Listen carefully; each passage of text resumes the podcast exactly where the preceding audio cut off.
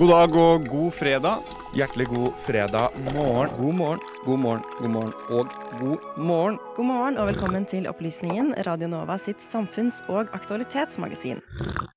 Med opplysningen 99,3 på øret, ja, da blir det en god fredagsmorgen. Opplysningen 99,3. Hver fredag fra 10 til 11 på Radio Nova. Og der er uh, morgenens uh, kaffekopp eh, ja, eh, slurpet i vei eh, her i opplysningen på Radionova. Runa, forrige uke så hørte vi om temperaturmåling som prevensjon. Men din kamp for å komme til roten av prevensjonens problemer har ikke nådd slutten ennå. Nei. Vi må ha litt mer informasjon enn bare om temperaturmålere. Ja, for hva er det du har gjort denne uken? Denne uka så har jeg prøvd å debunke litt myter om eh, hormonell prevensjon. Ja. Som f.eks.: for eksempel eh, legger du på deg mye, blir du tjukk av hormonell prevensjon? ja. Kan det være farlig? Og helt til slutt, endrer du preferanse av kjæreste? Det er jo veldig interessant, og hvis du vil lære mer om det, da er det bare å spisse ørene, for her kommer saken. Er du kvinne? Går du på hormonprevensjon, eller vurderer du å begynne? Da burde du følge med nå. Det finnes nemlig en rekke bivirkninger som kan følge med disse, og søker du opp disse bivirkningene selv, er sannsynligheten stor for at du skremmes. For på nett florerer det av advarsler om at du kan bli infertil, at du legger på deg, at du kan få sykelige humørsvingninger, og at det simpelthen er farlig å gå på hormonprevensjon. Og et av de nyeste bivirkningene omhandler preferanse av partner. At du simpelthen velger feil, og at du forelsker deg i feil person dersom du går på hormonprevensjon. Men stemmer egentlig alt dette? Eller er alt bare myter? Vi tok kontakt med Cindy Dahl fra maja.no for å få svar på noe av dette. Ja, hei. Jeg heter Cindy Dahl. Jeg jobber som lege på maja.no. Hei, Cindy! Det første jeg lurte på, er kan hormonell prevensjon være farlig? Både ja og nei. Det finnes jo to typer hormonprevensjon. Du har gestagenpreparater, og så har du kombinasjonspreparater. Eh, Gestagenpreparater de inneholder kun gestagen, og der er det ingen forskning som tyder på at det fører til bl.a. blodpropp, hjerteinfarkt eller hjerneslag, og de kan benyttes av alle kvinner. Kombinasjonspreparater derimot, som inneholder østrogen, her ser vi at det kan føre til blodpropp. Så det kan det, men risikoen er veldig lav. Det er fem fem til syv kvinner av 10 000 kvinner som opplever dette her. Og så er det veldig viktig å huske at leger gjør en veldig grundig vurdering av en pasient før de skriver et kombinasjonspreparat. Har de noen risikoer for å få eh, blodpropp, så får de ikke et kombinasjonspreparat. Ok, men da er jo ikke hormonell prevensjon i seg selv så farlig, med mindre man Så lenge man får profesjonell hjelp. Men eh, jeg lurte på en ting til. Er det mulig å bli infertil når man går på hormonell prevensjon? Eh, Det stemmer ikke. Det er en myte. Det er en Um, myte.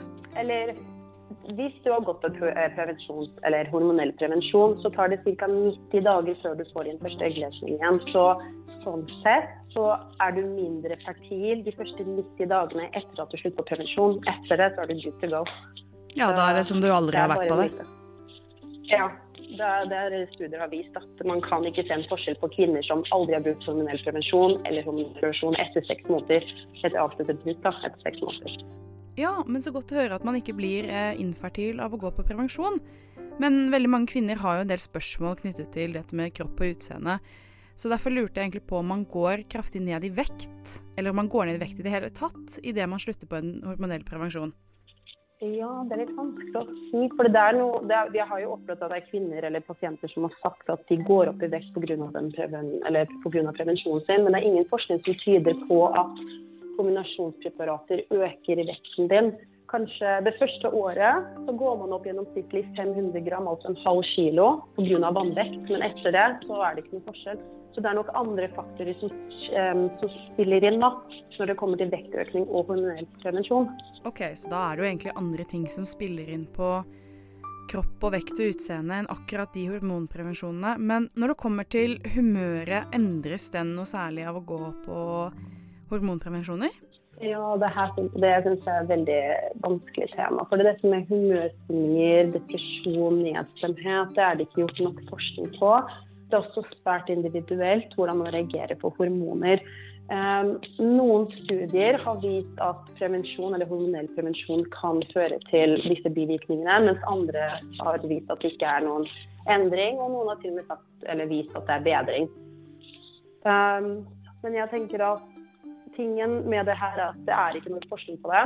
Man har ikke klart å finne en direkte årsak mellom p-piller og disse bivirkningene. og Derfor kan man ikke sikkert si at p-pillene eller prevensjonsmetoden er en årsak til humørsvingninger, depresjon, nedsomhet. Så mitt tips er om man opplever disse symptomene, for det kan jo gå utover livskvaliteten, det påvirker f.eks. sexlysten, og det er ikke noe godt å gå rundt med en depresjonsfølelse. Opplever man disse bivirkningene, så bør man bytte preparat. Og så har jeg et spørsmål helt til slutt, og det er denne myten om preferanse av partner. Så da lurte jeg egentlig på om valg av partner påvirkes på noen som helst måte av at man går på hormonell prevensjon? Jeg syns det var en utrolig morsom studie. Ja, det finnes forskning på det, men når jeg leste på det, så handlet det jo om at kvinner som ikke går på prevensjon, de velger vanligvis menn med et annet som gene pool, eller en De blir tiltrukket av menn som har genetikk som er mest ulikt deres, og så tror de at det går ut på at man skal unngå innavl. Og at etter en kvinne begynner på hormonell prevensjon, og da studerte de med p-piller, kombinasjonspreparater, at de heller valgte menn som hadde genetikk som mest lik dem. Men jeg tenker at Det er ikke sånn at man skal gå rundt og være bekymret for at man blir forelska i når man begynner på p-piller. Altså, det skal gå bra. Det, det tror jeg ikke man trenger å bekymre seg for. Um, Nei, jeg tror Det var jo det den studien gikk ut på. Det var det den studien gikk ut på. For jeg tror den har sådd mye ja. tvil om uh, om man blir forelsket i en partner som man, når man slutter på p-piller, ikke er forelsket i lenger. Det tror jeg veldig mange har uh, tenkt at det var det den konkluderte med. Ja, um, det gikk jo mer ut på lukt. da, at Når de først blir tiltrukket av partneren, så er det hvilke partner de blir tiltrukket av. Men jeg tenker at det å bli sammen med noen har jo det jo mye mer enn bare den første attraction når man møter dem. Det er jo også personlighet og alt annet. Mm. Så om p-pillen hjalp deg med å bli tiltrukket av en person som har litt mer lik genetikk enn deg, har kanskje ikke så mye å si det lange løp når du blir forelska den de er, da. Tusen, tusen takk for at uh, du kunne stille til Radio Nova i denne sendingen. Ja, takk. Det var, det var gøy. Reporter i saken, det var Runa Årskog. Straks til en, ja, en VGTV-profil i litt hardt vær om dagen, etter musikk fra My Friend Joe. Dette er Postcard.